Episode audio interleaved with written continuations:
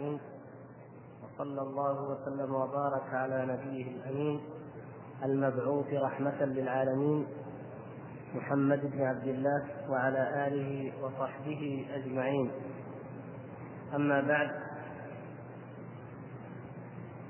فكما تعلمون أيها الإخوة الكرام تحدثنا في الحلقة الماضية عن قصة النبي صلى الله عليه وسلم لما أرسل الكتاب إلى هرقل والمناظرة التي دارت بين هرقل وبين أبي سفيان في موضوع النبوة وإثبات النبوة وعلامات الأنبياء ودلائل نبوتهم. وتحدثنا عن أثر ذلك تلك الدلائل وظهور تلك الحجج على ألسنة الأعداء. هرقل كبير الروم الذي لم يكن قد أسلم ولا يتهم بممالأة النبي صلى الله عليه وسلم بل أراد أن يسلم وحصل له ما حصل. وأبو سفيان الذي لم يكن حينها إلا راسا من رؤوس الكفر وعدوا كبيرا من أعداء الإسلام. ومع ذلك اتفق هذا وهذا على صفاته صلى الله عليه وسلم وأنها دالة على صدق نبوته. وضاق الوقت عن بيان ما آل إليه حال هرقل وماذا كانت عاقبته. لكن قلنا بعد الصلاة أن مختصر ذلك أن هرقل جمع أتباعه وجمع حاشيته.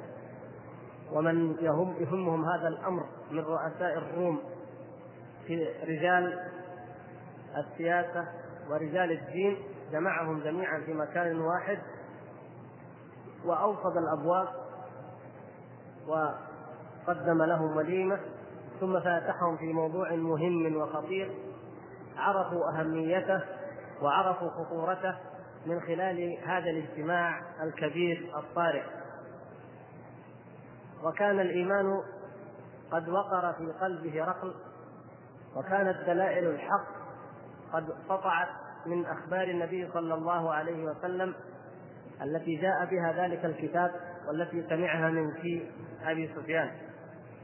ولم يكن أمام فطرة هرقل إلا أن تستيقظ وإلا أن تصحو لكن الأمر لم يصل إلى حد الإيمان الذي يدفع بصاحبه بأن يبيع كل عرض من عروض الدنيا بهذا الدين بأن لا يبالي بما يفوت وما يذهب عليه من موقف أو جاه وما يفوته في سبيل الإيمان بهذا الدين. ولكن الله سبحانه وتعالى يختص برحمته من يشاء. فهرقل لما جمعهم قال لهم إن أمر هذا النبي قد ظهر. وإنه نبي حقا وإنه النبي الذي أخبرت عنه التوراة والإنجيل وما جاء في كتبنا. وقد كتبت إلى صاحب روميا. وقلنا إن صاحب روميا أو صاحب روما هو عادة البابا الأكبر أكبر رجل في الدين النصراني وخاصة في المذهب الكاثوليكي هو الذي يكون في بابا في روما في الفاتيكان فأخبره بذلك وصدقهم قال وقد أخبرت صاحب روما وقد صدق بهذا النبي وأرى أن ندخل في دينه وأن نسلم جميعا ونتبعه. فلما قال ذلك وجدها الأتباع كلمة ثقيلة جدا عليهم ورأوا أنهم بين أحد أمرين إما أن يدخلوا في الإسلام وهذا شيء لا يريدونه ولا يطيقونه ولا سيما الذين منهم في منصب وفي مرتبة دينية عظيمة يتوقعون أن يفقدوها إذا آمنوا بالنبي صلى الله عليه وسلم. فأحتاروا بين ذلك وبين أن يعلنوا مخالفتهم لهرقل. فربما أسلم وأخذهم بالقوة والعزيمة فيقتلهم أو تكون فتنة بينه وبينهم. فحاصوا وخرجوا مندفعين إلى الأبواب ليفروا من هذا المجتمع ولينفضوا من هذا اللقاء. ولكن هرقل كان قد اوصد الأبواب فلم يجدوا منها منفذا. ولما رأى أن الأكثرية قد هربت وذهبت إلى الأبواب لتخرج منه وهو في قلة القلة التي لو آمنت لما كان لها دور أو قيمة حينئذ آثر هرقل الدنيا على الآخرة واختار الكفر على الإيمان واختار المنصب والملك على الهداية والرشاد فقال لهم عودوا عودوا إنما قلت ذلك لأختبر إيمانكم وأختبر قوة عقيدتكم فما دمتم بهذه القوة فلا خلاف. فرجعوا جميعا وترك الموضوع وذهب في موضوع آخر.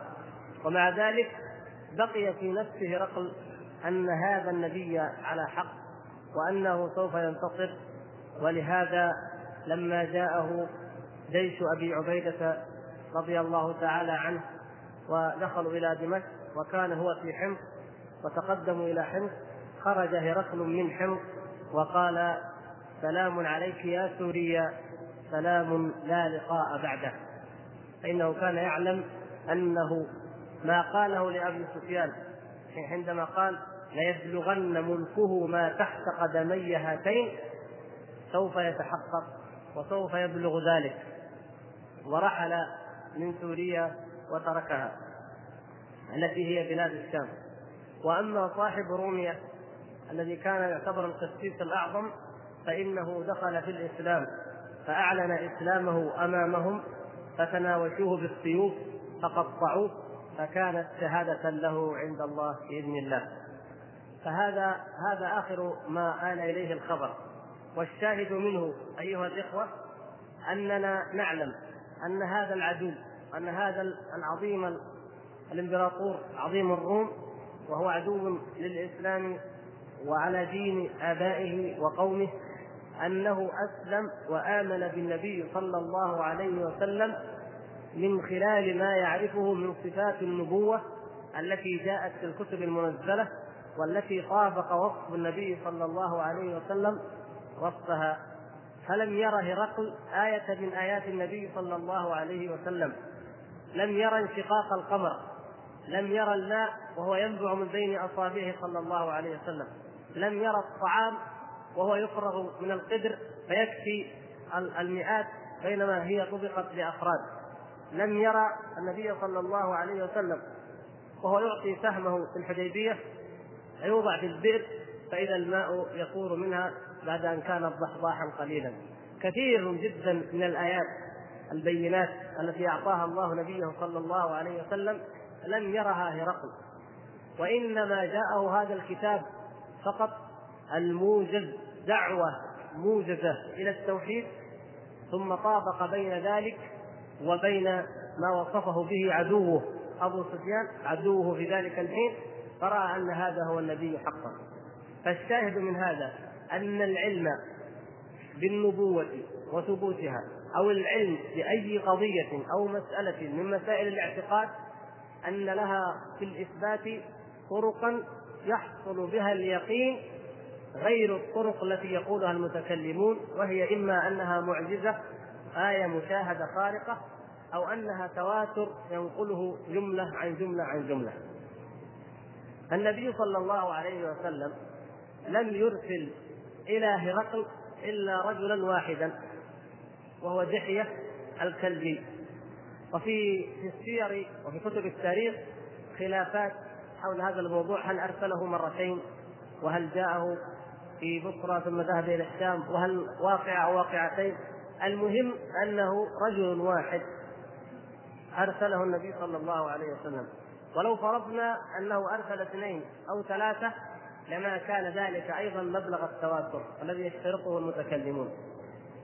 وأول من جاء بهذه السلمة ووضعها في دين الإسلام وأراد أن يفسد بها عقائد المسلمين هما هم المعتزلة وخاصة اثنان من علماء المعتزلة. الأول منهم أبو الهذيل العلاف والآخر هو إبراهيم النظام. فالعلاف والنظام أرادا أن يهدما دين الإسلام. وكان النظام برهميا كان على دين الهنود. فأراد أن يهدم ملة الإسلام فأعلن الإسلام ودخل فيه وتفلسف ثم مال إلى المذهب المسمى بالاعتزال الذي كان قد أسسه واصل آه، بن عطاء وعمرو بن عبيد كما سبق شرح ذلك فيما مضى. فورث العلاف والنظام ورث الاعتزال من واصل ومن عمرو بن عبيد. وركب فيه مبادئ فلسفية أخذوها من الطابئة ومن فلاسفة الهنود ونحو ذلك. وكان من فلسفة الهند أن البشر لا يحتاجون إلى الأنبياء. ففي البرهمية ينكرون النبوات. وحتى حتى إنهم يقولون إن بوذا الذي ينتسب إليه اليوم أكثر من 500 مليون على دينه البوذية إنه ليس بنبي.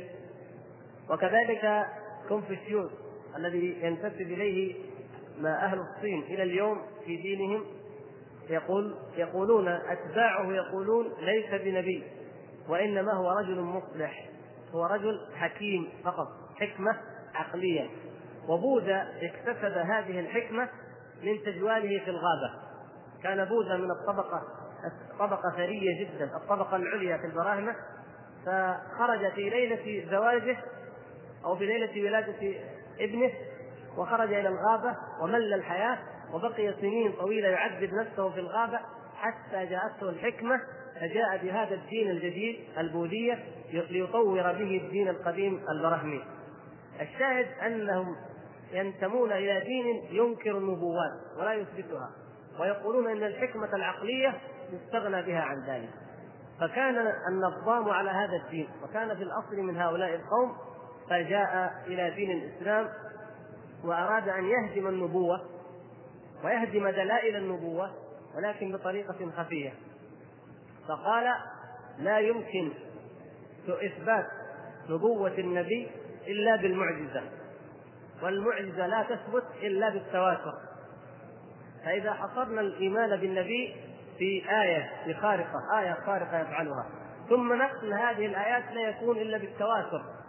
وبعدين اختلفوا في تحديد التواتر. فقالوا سبعين عن سبعين عن سبعين شخص. وقال بعضهم لا يكفي عشرين. اختلف المعتزلة بعد ذلك. قال بعضهم ثلاثين قال بعضهم عشرين. مهما قلنا من هذه الأعداد فإننا لو طبقنا ذلك على ما جاء في السنة من الآيات الحسية للنبي صلى الله عليه وسلم. فإننا قد لا نجد هذه الأعداد وهذا الذي يريدونه هم. يريدون أن يتوصلوا بذلك إلى هدم الدين ولكن من بعيد وبستار خفي. ولهذا تنبه علماء الإسلام إلى ذلك وكفروا آه، هؤلاء. وقد آه، اقترف النظام والعلاف امورا كثيرة مكفرة تدل على أن أن كل منهما لم يكن يؤمن حقا بدين الإسلام وإنما كان غرضه الهدم. فحصروا معرفة النبوة ومعرفة اليقين في أي قضية اعتقادية بالتواتر فقط. لا بد أن تثبت بطريق التواتر. وإلا فعند ما عند الحكماء وما عند الفلاسفة يغني عن النبوة.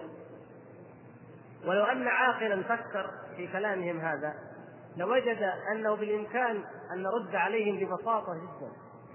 وذلك أن ما ورثه النظام والعلاف ثم من تبعهم من المتكلمين من أشعرية وغيرهم ما ورثوه عن الفلاسفة. كيف ثبت لديهم وكيف وصل إليهم؟ هذا هو السؤال. نسألهم. النبي صلى الله عليه وسلم كان كما تعلمون توفي في السنة العاشرة يعني بينه وبين عمرو بن عبيد وبينه وبين واصل بن عطاء كم؟ حوالي مئة سنة فقط و150 أو 160 سنة بينه وبين العلاف والنظام.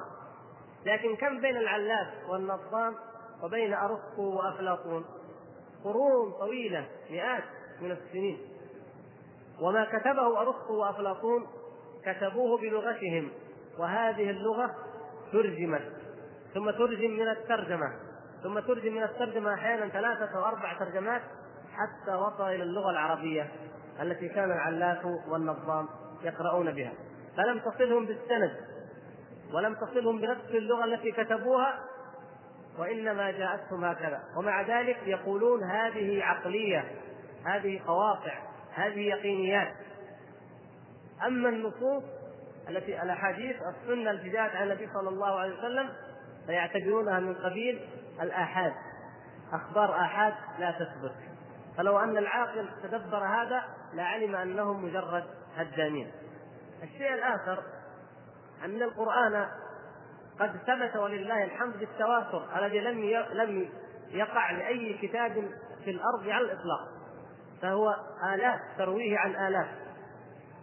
فلو أن الناس لو أن هؤلاء فقط يهمهم مسألة التواتر أو الآحاد لآمنوا بما جاء في القرآن فرضا كله.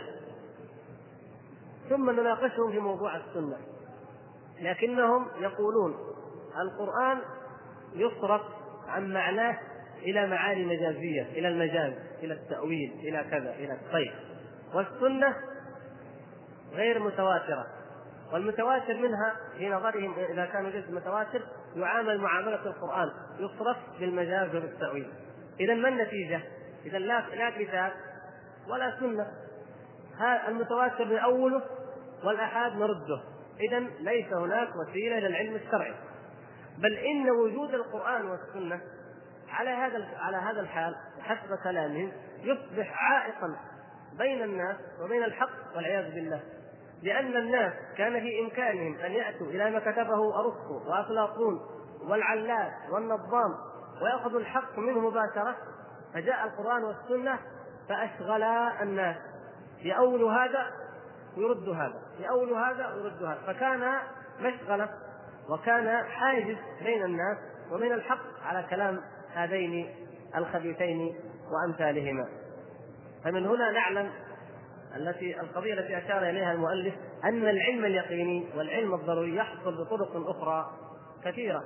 والنبي صلى الله عليه وسلم إنما أرسل إلى ملوك الأرض آحادا يبلغون الناس الدين. فلو أن كل أمة جاءها رسول رسول الله صلى الله عليه وسلم. قالت ما ما ندري ما نؤمن ولا نصدق بأن هذا الكتاب من عنده إلا إذا جاءنا سبعين عن سبعين إلى آخره. لكان هذا جنونا في عقولهم هم قبل أن يكون تكذيبا للرسول الذي أرسله هذا الرسول. وهذا أمر معروف لدى سائر البشر. حتى الناس حتى اليوم لديهم علامات ولديهم قرائن للحق غير التواتر. إذا جاء كتاب من واحد أنت تعرفه أو سمعت عنه تستطيع بقرائن الحال أن تعرف أن هذا خطه وأن هذا كتابه. وتصدق بأن هذا من عنده. فلو أن الناس أخذوا هذا المبدأ وقالوا لا نتعامل إلا بما يثبت بما ينقله جمع عن جمع لكنت تحتاج إذا أردت أن تشهد على قضية أو تكتب عن مسألة أن تشهد عليها سبعين أو عشرين كما اشترط هؤلاء المتكلمون ثم بعد ذلك يكون اليقين. وهكذا فالعاقل إذا تأمل ذلك يجد أنهم مجانبون للصواب بوضوح وأن إنما كان قصدهم زندقة وهدم لدين الإسلام. ولذلك يقول ينبه المؤلف رحمه الله على شيء من كيفية أصول العلم وكيفية حصول اليقين في القلوب. مما ينبغي أن يرى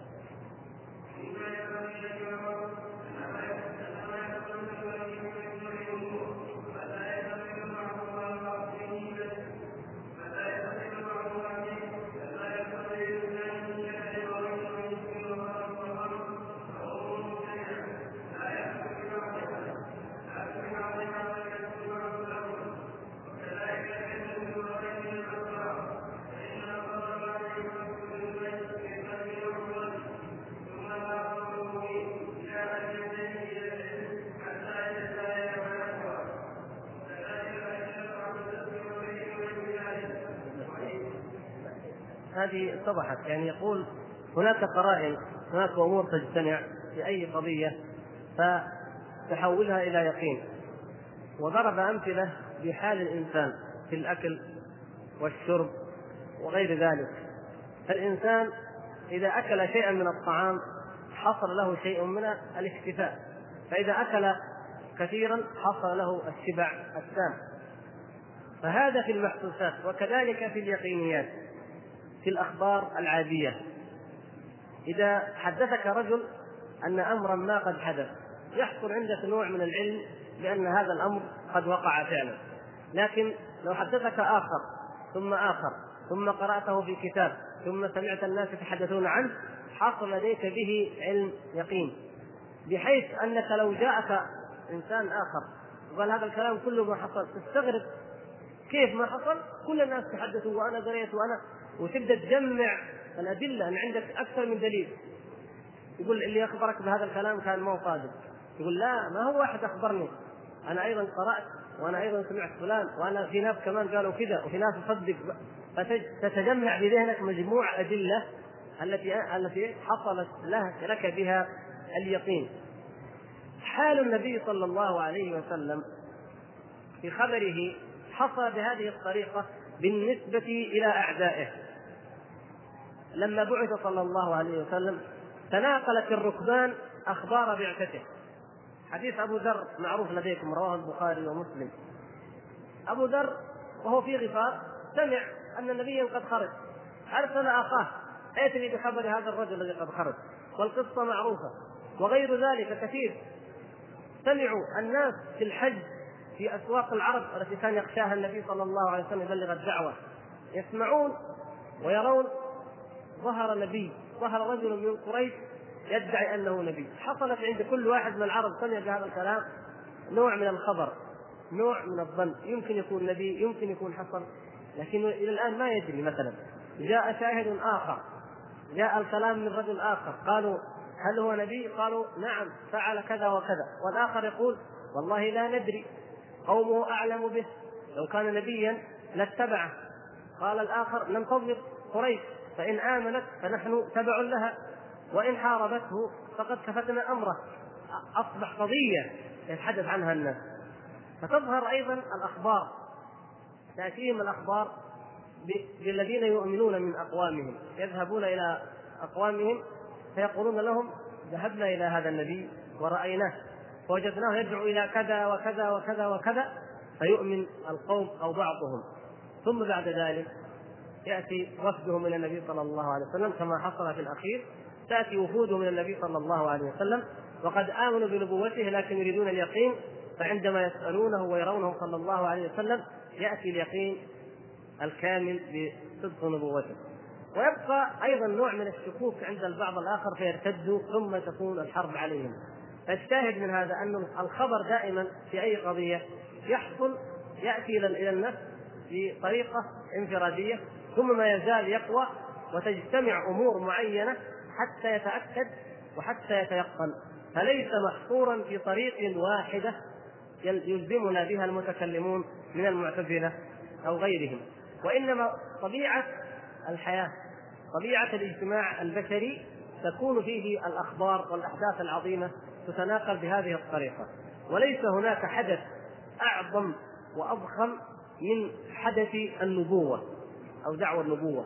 قضية كبرى جدا عند جميع الناس. فالذين بعث إليهم النبي صلى الله عليه وسلم كانوا على نوعين العرب وقضية النبوة عندهم حدث عظيم جدا لأنهم لم يبعث فيهم من نذير. فخبر جديد كل الجدة لابد أن يستغرق أذهانهم في التفكير فيه. ولا سيما وهذا المبعوث بعث في قلب مركز وثنيتهم وعبادتهم وبجوار البيت الذي يعظمونه جميعا. ومن نفس الأسرة التي هي أشرف الأسر والتي هي من ذرية إسماعيل عليه السلام وإبراهيم اللذين بنيا هذا البيت.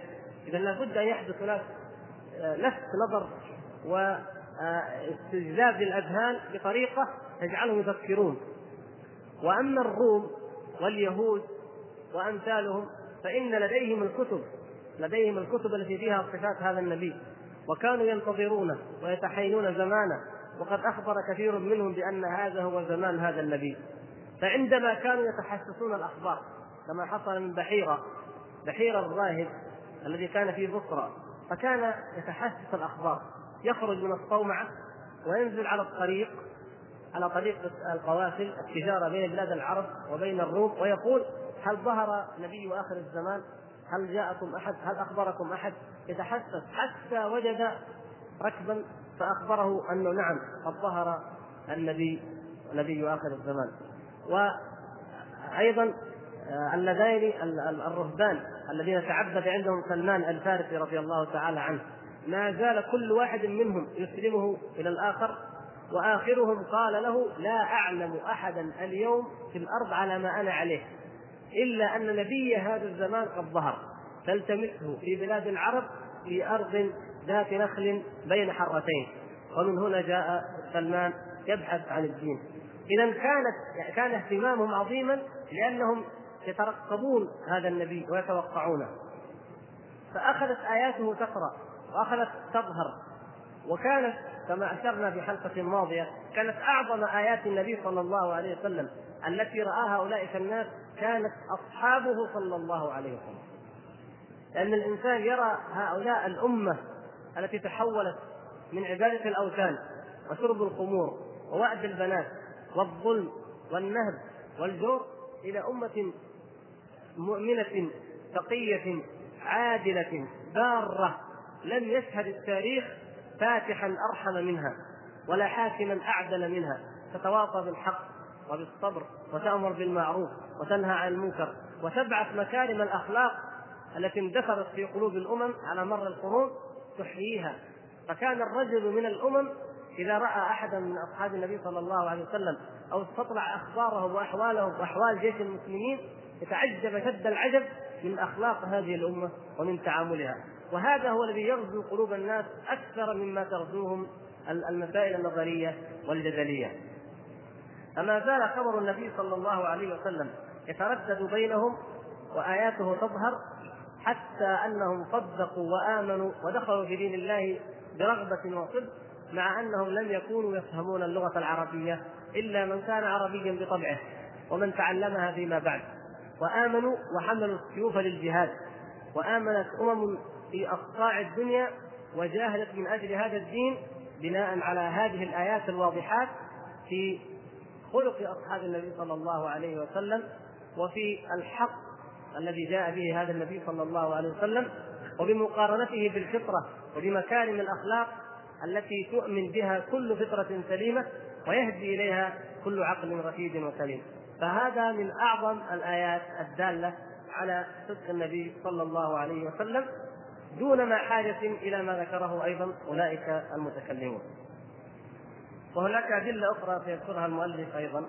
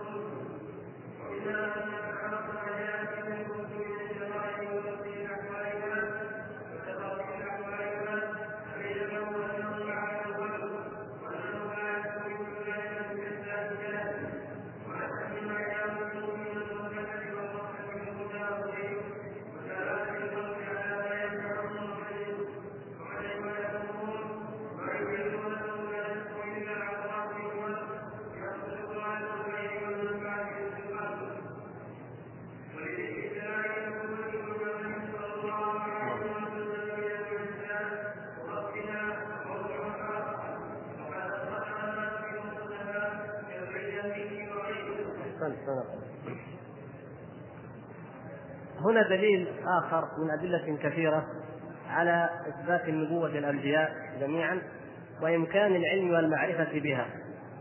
هذا الدليل هو ما أبقاه الله تبارك وتعالى من الآثار المكتوبة أو المحفوظة أو المحسوسة للدلالة على صدق نبوة الأنبياء.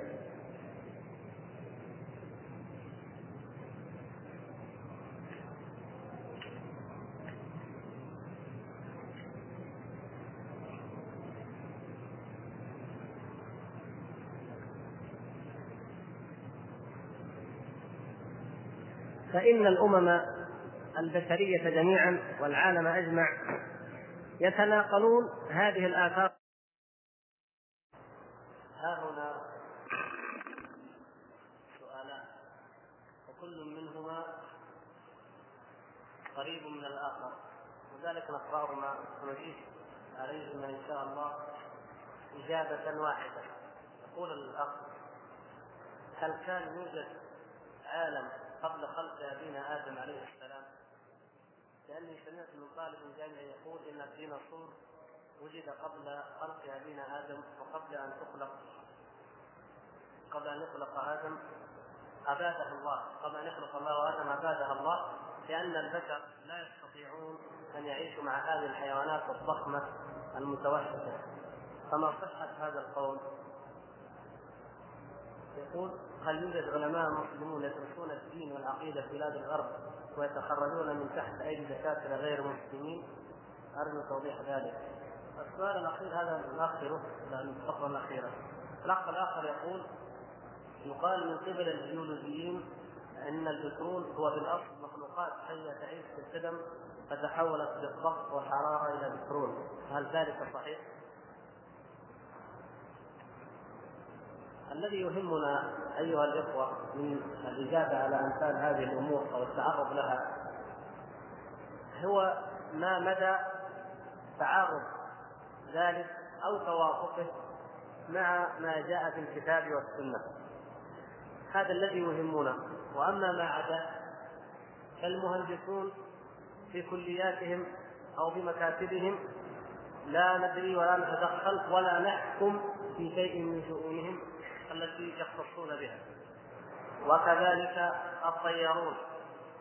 وكذلك أصحاب دراسات في علوم البحار أو في علوم الأرض أو في الأرصاد أو في أي مجال من مجالات العلم العلوم التجريبية الطبيعية لا نتدخل ولا نتكلم فيها لأن هذه علوم بشرية تجريبية طبيعية فأصحابها أعلم بها إلا إذا تعرض أصحاب هذه العلوم في أمر من الأمور إلى ما يخالف كتاب الله وسنة رسول الله صلى الله عليه وسلم حينئذ نقول قفوا هنا لا لا يجوز لكم أن تتعدوا. العلوم الإنسانية هي المشكلة هي المصيبة. المسمى العلوم الإنسانية علم الاجتماع علم النفس علم الاقتصاد في بعض أمورها وأكثرها. علم العلاقات الدولية. علم ما يسمى في كثير من الجامعات أو يعني العلوم الإنسانية جملة سواء ما كان منها يتعلق بالآداب أو بالفنون أو بالتاريخ. هذه العلوم هي الخطره هي المنافذ الذي ممكن أن يدخل منها الشر وأن يدخل منها الكفر وأن يدخل منها الإلحاد وأن يدخل منها المخالفات لكتاب الله وسنة رسوله صلى الله عليه وسلم. أما العلوم التجريبية الطبيعية كالطب والكيمياء والفيزياء في ذاتها والرياضيات فهذه إذا لم تربط بنظريات فلسفية إلحادية فهي في ذاتها ليست دليلا على الإلحاد ولا تؤدي إلى الإلحاد ولا يهمنا ما صح فيها وما لم يصح. من انطلاقا من هذه القاعدة ننظر إلى ما ذكره الأخوان. اولا وجود مخلوقات قبل أبينا آدم عليه السلام. هذا الأمر لا يهمنا في عقيدتنا ولا في ديننا من قريب ولا بعيد إلا إذا ثبت لدينا بالنص من كتاب الله. أو سنه رسوله صلى الله عليه وسلم. وجود مخلوقات وانكرها اولئك أو ثبت عندنا أن آدم عليه السلام أول مخلوق بإطلاق وقال أولئك يوجد مخلوقات فالآن السؤال هل لدينا في كتاب الله أو في سنة رسول الله صلى الله عليه وسلم ما يقول إن آدم عليه السلام أنزل إلى الأرض وهي قاع فضفض خاوية خاوية ليس فيها حياة ولا مخلوقات. ما عندنا ما عندنا شيء من هذا. لأن القضية التي تهمنا هي أنه أنزل إلى الأرض. هذا هو الذي جاء في الكتاب والسنة وهو الذي يهمنا معرفته لماذا أنزل؟ وما الذي يجب عليه أن يتبع إذا نزل إلى هذه الأرض وبعد أن نزل. أما وجود حيوانات أو مخلوقات قبله فلا يوجد ما ينفي ذلك. وإنما يوجد ما يشير إلى وجود هذه المخلوقات. مثل قول الله سبحانه وتعالى وبارك في وجعل لها رواسي من فوقها وبارك فيها وقدر فيها أقواتها في أربعة أيام سواء للسائلين. فيمكن أن نفهم من هذا أن الله سبحانه وتعالى فجر في الأرض ينابيع الخير والبركة والثمرات وكذلك الحيوان هذا بالنسبة لديننا. بالنسبة للعلم الطبيعي أو التجريبي ثابت لديهم ثباتا مؤكدا أن الحيوانات أن مخلوقات وجدت قبل الإنسان وقبل أن توجد الاخلاق الإنسانية على الأرض. هؤلاء العلماء كما تفضل علماء الجيولوجيا يقسمون العصور عندهم ما يسمى العصور الجيولوجية. من البحث ومن الدراسة اتفقوا اتفاقات مجملة على عصور جيولوجية معينة. وكل حيوان يظهرون به أو أثر من الآثار يظهرون به في البحث والتنقيب في أعماق الأرض أو تحت الثلوج فإنهم يستطيعون وفق دراسات معينة أن يضعوا يرجعوا إلى عصر من هذه العصور التي ما يسمى أيضا السجل البيولوجي أو التاريخ الطبيعي يسمونه أحيانا التاريخ الطبيعي. التاريخ الطبيعي لديهم كمثلا المتاحف الطبيعية متاحف التاريخ الطبيعي. يبدأون في الأول ما يدخل الإنسان يبدأ يجد أول ما يقولون أو يقولون أنه أول المخلوقات أول ما أتى عليه مما يعتقدون قدما. مثل آثار الديناصور مثلا الذي ذكرها ثم يتدرج قليلا قليلا إلى أن تجد آخر أو المخلوقات الحية الموجودة الآن التي لم تنقرض. هذه الأمور تخضع للتجربة وللعلم للتتبع للاستقصاء والاستقراء نحن لا نكذب هذا السجل كله. لا نكذب التاريخ الطبيعي كله. لو فعلنا ذلك كنا مخطئين لاننا نقول بغير علم بينما هو علم مبني على قواعد وعلى تجارب. ثم ليس لدينا حجه من كتاب الله ولا من سنة رسول الله صلى الله عليه وسلم عليه.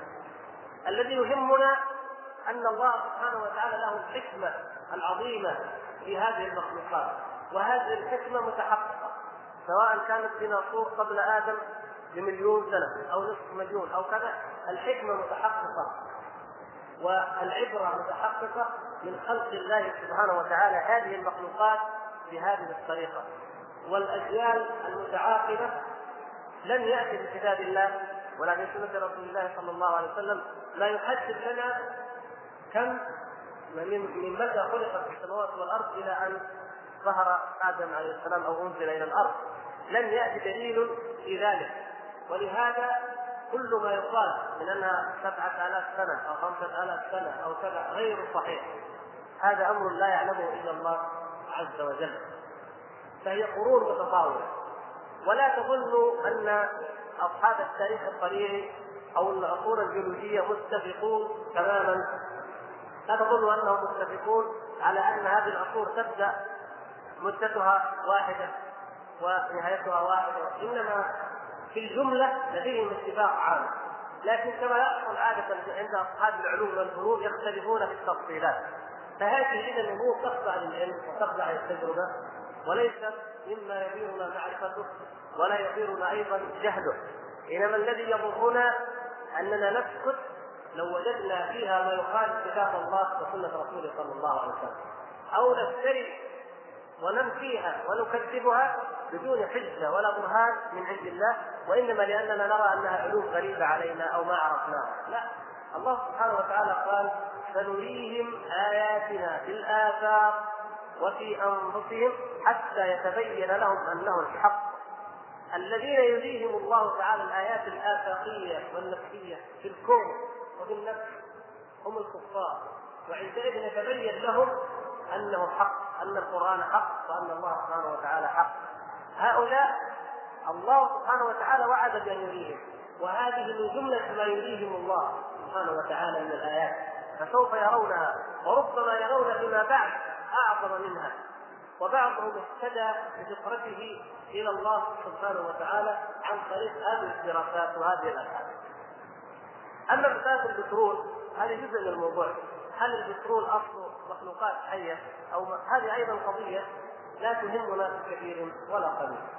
الذي نعرفه أن المواد التي في الطبيعة أو في خلق الله عز وجل إما أشياء عضويه وإما أشياء غير عضوية يعني إما أشياء تتكون من عنصر واحد مثل المعادن الذهب الفضة البرونز كذا كذا هذه عنصر واحد.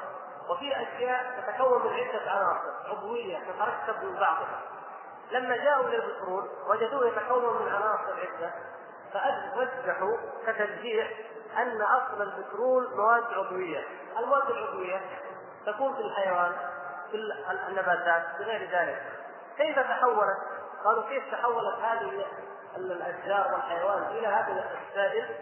قالوا اثناء العصور الجيولوجية مرت عدة عصور كانت هناك حيوانات ضخمة وأشجار ضخمة ثم طمرتها الرمال وبحراره الرمال الشديده زادت هذه الأشجار وزادت هذه الحيوان بقاياها على مر السنين وتكون منها هذا الزيت هذه نظرية يرجحها أصحابها كترجيح على بقية النظريات الأخرى على أن هذا هو أصل. صحت ما ضرنا شيء ما صحت ما ضرنا شيء لله الحمد في ديننا. لأن المسألة هي كما قلنا في الحديث عن موضوع خلق آدم عليه السلام وهل كان قبله شيء أو لم يكن قبله. بعض العلماء يستدل وجود مخلوقات قبل آدم عليه السلام من قول الملائكة قال وتجعل فيها من يفسد فيها ويسفك الدماء. فقالوا إن الملائكة آه، وجدوا أن في الأرض إما أن يكون أمما خلقها الله عز وجل قبل آدم كانت تفسد وتسفك الدماء ويقولون لله عز وجل أتجعل فيها من يفسد فيها ويسفك الدماء؟ مثل هذه الأمم التي كانت وأهلكتها. وإما أن أن الملائكة لا تعلم من المخلوقات إلا الحيوان الا ما تراه. لأن ما دام الإنسان لم يكن قد خلق بعد فالملائكة تعرف نوعين من الخلق. الملائكة هم يعني والحيوانات التي موجودة في الأرض. والمعلوم في الحيوان أنه يقسو بعضه على بعض وأن بعضه يأكل بعض وأنه يفسد في الأرض. يعني هذا على كلام بعض العلماء. فقالوا اذا فالملائكة قالوا أتجعل فيها من يفسد فيها ويسفك الدماء؟ ما الفائدة؟ ما الذي تجعل؟ وبعض العلماء يقولون لا. إن الملائكة يتوقعون ذلك من حال بني آدم توقعا يتوقعون أن يكون كذلك لأنه مكلف وسيكون مكلفا أو مختارا ومريدا وغالبا أنه لا بد أن يفعل ذلك. والله تعالى أعلم. فالشاهد من هذا أنه يصح أن يستشف بعض العلماء حتى وجهة نظري أن هناك مخلوقات قبل آدم عليه السلام من خلال هذه الآيات. بالنسبة للتاريخ الطبيعي كما قلنا هذا عندهم يعتبر حقيقة مقرره أن هناك مخلوقات قبل آدم عليه السلام.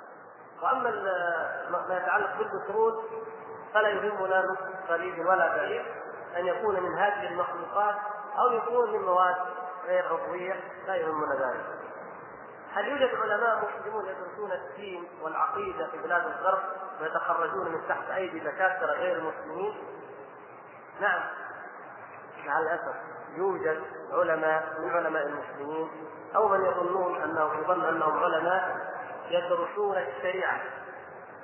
كلام ليس عن الطب ولا عن الهندسة ولا الجيولوجيا والفلك لكن يوجد من يدرس الشريعة والعقيدة والفرق والأديان والفقه. والتفسير والحديث على أيدي المستشرقين من اليهود والنصارى.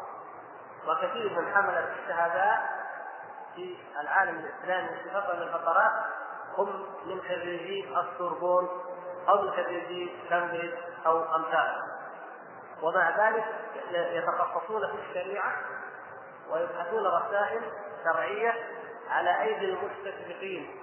الكفرة. ليسوا مجرد كفرة. المستشرقون ليسوا مجرد أنهم كفار بل كفار متعمدون ومترصدون لهدم الإسلام. يعملون ليل نهار ويبحثون بحثا دائما لإفساد عقائد المسلمين. ولذلك من جاء يحمل شهادة شرعية من عند أولئك فهو أحد رجلين.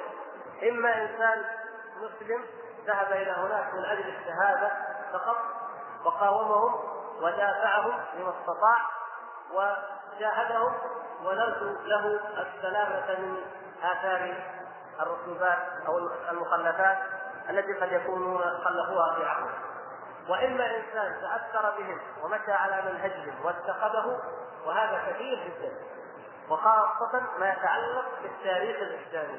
كثير من الذين يكتبون في التاريخ الإسلامي يكتبونه وفق منهج أولئك ولهذا لا يبالون بكتب السنة الصحيحة ولا يبالون بالمصادر الموثوقة وإنما ينقلون عن المصادر المتأخرة أو الكاذبة أو الباطلة ليسولوا بها الدين الإسلامي يتبعون بتاريخ النبي صلى الله عليه وسلم السيرة النبوية يسولونها ثم يسولون سيرة الصحابة وسيرة عظماء الإسلام المعروفين الجانبين يسولونها بالرجوع إلى ماذا؟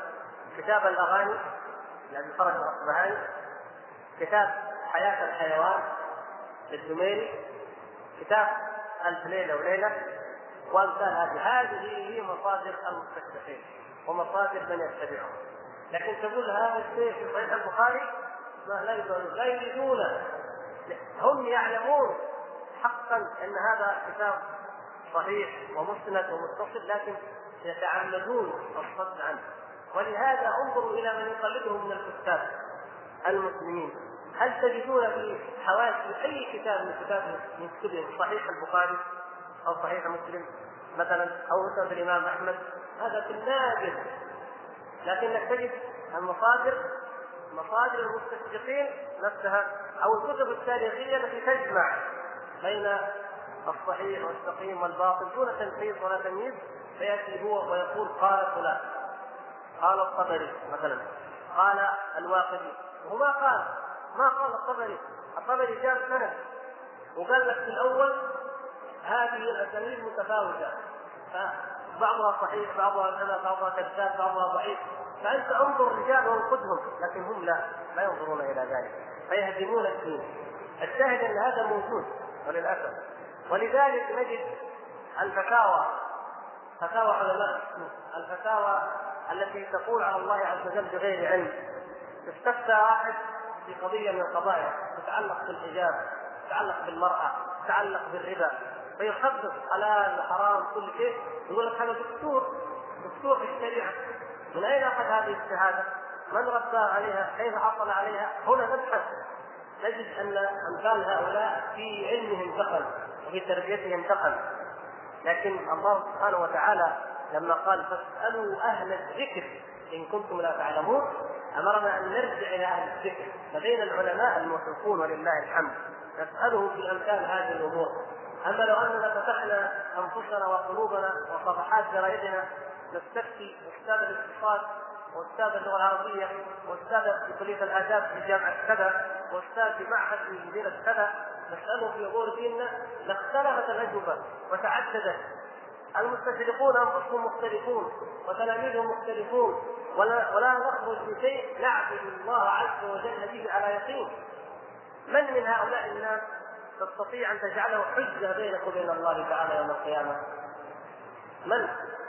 لكن العلماء الموثوقون المشهود لهم بالفضل وبالخير وبالصلاح والتمسك بالسنة والسنة واتباع الدليل هذا هؤلاء تستطيع ان تجعلهم حجة بينك وبين الله تعالى يوم القيامة.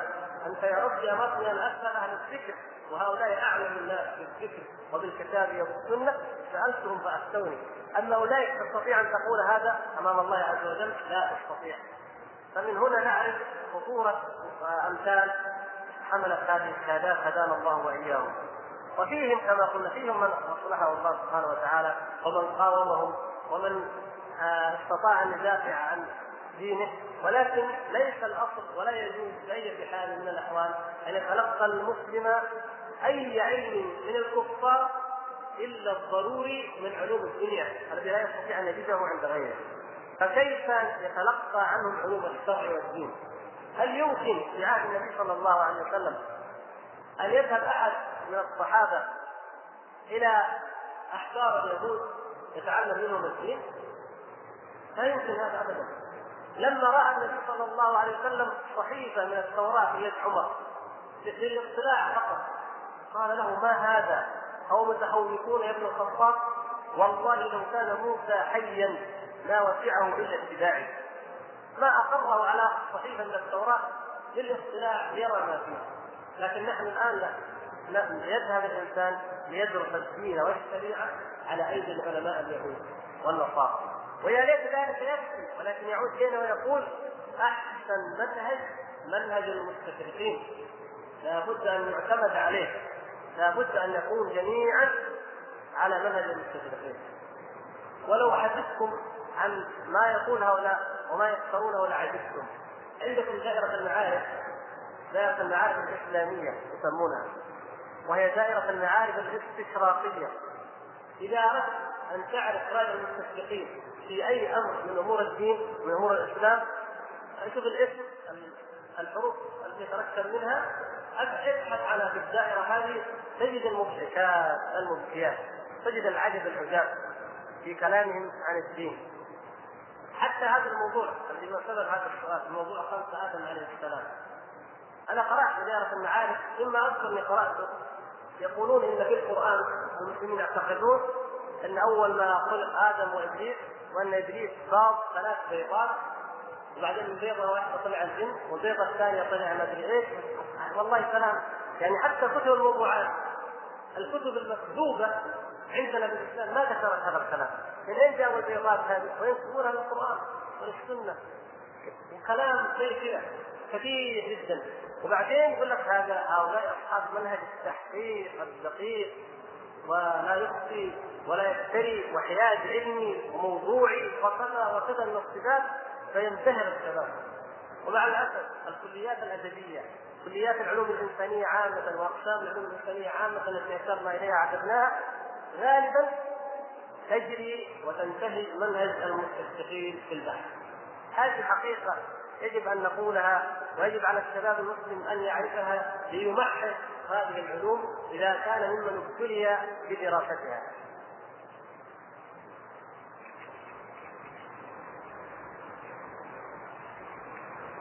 يقول هل جميع الأشياء الموجودة في كتاب الأغاني تكون خاطئة؟ وهل يستدل بكتابه إن كان صحيحا؟ كتاب الأغاني هو على اسمه أغاني يعني ما يهمنا نحن أن يكون آه، صح صح أن جرير هو الذي هجر مرزق وغلبه واللي مرزق هو الذي غلب جرير. يعني القضية في هذا الموضوع ما تهمنا.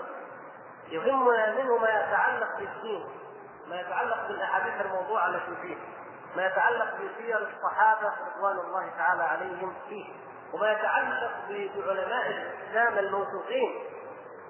لأن هذه أيضا قضية مهمة أو أو برجال الإسلام الموثوقين.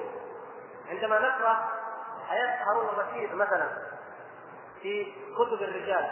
ماذا يذكرون عنه المؤرخون الثقات يثنون على دينه وفضله يحج سنة ويغزو سنة.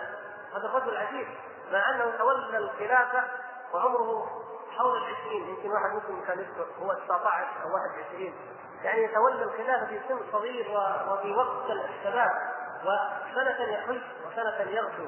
وكان يقرب العلماء الأفاضل ويجالسهم ويدنيهم علماء الإسلام الثقات الكبار. فإذا أخذنا بما يفعل فيه في كتاب الاغاني معنى ذلك أننا كذبنا أولئك. هذه قضية منهجية خطيرة. إذا بعد هذا من يوثقه ثقات الإسلام رجال الجرح والتعديل في الإسلام قد يكون في الحقيقة كذاب. ومن يكذبه علماء الإسلام الثقات هؤلاء رجال الجرح والتعديل قد يكون في الحقيقة وضاع أو العكس. اذا يضيع معيار علم الرجال يضيع معيار علم المصطلح يضيعون العلوم المعيارية الأساسية في ديننا. يعني قد اذكر لانكم تحبون الامثله في كتاب الف ليله وليلة هذا جرت مناظرة قصه حول هارون الرشيد وكيف كان هو وجعفر يجيبوا النساء ويجيبوا الجواري ويتحدثوا معاهم كذا وكذا. فتناقشنا في موضوع مرة من المرات. رحت المكتبة فتحت الكتاب. قلنا شوف إيش ماذا ماذا يمكن أن نستنتج من نفس الكلام. الذي في الكتاب يكذب نسبة هذا القول. والله يا أخوان أنا وجدت يمكن بعضكم شاف هذا. وجدت فيه إنه هارون الرشيد لما هو جعفر اختلفوا مع واحد حلاج أو قال له الواحد اخرج للحلاج يعني قصة ونكته كذا المهم راح للحلاج رجل راح الحلاج نكته يعني فالحلاج يحلقه يقول له وقف الصلاة جرب. هو يعني مستعجل. أنا ناسي القصة قديم لكن الشاهد منها. الشاهد يقول الرجل؟ يقول له الحين نحن على الصلاة الا ساعة يريد أن يستعجل. الحلاق هذا طرطار وبسيط جدا يعني نكد عليه. يقول له أنا أحدثك. وبدا يحدثه بأخبار طويلة. يقول له الوقت راح. يلا الوقت راح. لين ضاق وقت ضاق الرجل. فمما قال له الحلاق قال نحن الآن في المحرم من سنة 621 من الهجرة. واخذ يتكلم معه لما قريت هذا قلت سبحان الله. وين محرم 621 من اصل هارون الرشيد شوف كيف؟ واحد يحكي أي كلام. لكن يجي يقولوا لا ما قالته ألف ليلة وليلة عن هارون الرشيد هو الصحيح لانها أسطورة شعبية تعبر عن حقيقة الشعب عن واقع الشعب. أما كتب الرجال فإنها تعبر عن الطبقة الأرستقراطية التي كان يقربها هارون من مجلسه ويدنيها منه. فهم دائما يميلوا إلى إيش؟ إلى الشعبية إلى البروليتاريا ولا يقبلون كلام الطبقة الأرستقراطية. ما شاء الله. هذه وريت بعض الإخوان هذا عام 121 كيف يكون كيف يتكلم عن هارون الرشيد؟ المهم يعني حتى نعرف أن هذه الأباطيل وهذه الاكاذيب ضروري ومن أعظمها ما في كتاب الأغاني. أبو الفرج الأصبهاني رافضي. وقد حدثناكم عن الرافضة. ولعل يأتي الحديث مفصل عنهم إن شاء الله. وأنه أصل دينهم من دين اليهود. وأنهم أرادوا هدم الإسلام. وهم أعداء الإسلام وهم أعداء السنة وهم أعداء القرآن في كل زمان وفي كل مكان. فأراد أبو الفرج أن يهدم سمعة الصحابة رضي الله تعالى عنهم. وقد هدمها جميعا حتى آل البيت. كلامه عن سفينه بنت الحسين ابن علي فيه من الكلام المنجوز الذي لا يليق بهذه المرأة. تكلم عنها تكلم عن عائشه بنت طلحه بن عبيد الله عائشه بنت طلحه من رواة الشيخين لم أقل واحد متأكد إنها من رواة البخاري. عائشة بنت طلحة بن عبيد الله امراه فاضلة ومحدثة وتربت في بيت عند عائشة بنت الصديق وعاشت معها. وماذا يقول عنها هؤلاء الناس؟ يقولون عنها ما يستعر منه الابدان وهكذا خذ من مثل أمثال هذا الكلام. فما في كتاب الأغاني الذي يهمنا رده وانكاره هو هذه الأمور التي كتبها هذا الرافضي الخبيث ليدنس بها تاريخ الصحابة. يا إخوان التوراة التي كتبها اليهود دنست الانبياء صلوات الله وسلامه عليهم ولذلك تجد الرافضه يدنسون الصحابة ما العبرة؟ ما الدلالة التي نأخذها من هذا؟ لأن الرافضه أصل دينهم من اليهود فاليهود يدنسون دائما في التوراة الموجودة الآن الكتاب الموجود اسمه الكتاب المقدس يقرؤونه بجميع الدنيا اليهود والنصارى ومترجم إلى أكثر من ألف لغة كما يقولون. في هذا الكتاب أن نوح عليه السلام سكر ولما شرب الخمر سكر تعرى تعرى حتى لم يبقى عليه أي شيء والعياذ بالله. وأن أولاده لما رأوه في جملة من رآه حام حام بن نوح. فرآه متعرٍ ولم يستره ولم يغطيه فرآه أبناء الآخرون فكفروا. فلما أفاق دعا على حام بأن يسوده الله فأصبح منه الجنس الأسود. الإفتراءات والكذب على الأنبياء. ويقولون إن لوط لوط عليه السلام إنه سكر أيضا وأنه والعياذ بالله زنى في ابنتين ابنتين. ومنه ما كانت ذريته والعياذ بالله. مكتوب في نفس التوراة. مكتوب أن داوود عليه السلام ركب من فوق الصف فرأى امرأة جميلة فأعجبته فاستدعاها وزنى بها والعياذ بالله. فلما علم أن زوجها له مكانة خاف أن يطلع أرسل زوجها هكذا قال أرسله إلى الحرب ليموت. فلما مات وقتل تزوجها ثم تاب ثم ولدت منه ولدت من؟ سليمان. هذا والله في التوراة في كتاب المقدس. فتستغربون ممن هو على مذهب اليهود وممن أصل دينهم اليهود أنهم لا يقعون في عائشة الصلحه أو سفينه بن أو في عائشة بنت الصديق. المنهج واحد والخطه واحدة والهدف واحد. يدنسون الأعلام الثقات الذين لا يبقى الشك فيهم حتى يبرروا لأنفسهم ما يرتكبونه هم من الدنس لأن اليهود والرافضة يتدنسون بالزنا وبالاختلاط وبالليالي التي يباح فيها كل شيء. فلذلك يدنسون أولئك الرجال حتى يبرروا لأنفسهم أيضا هذا الشيء.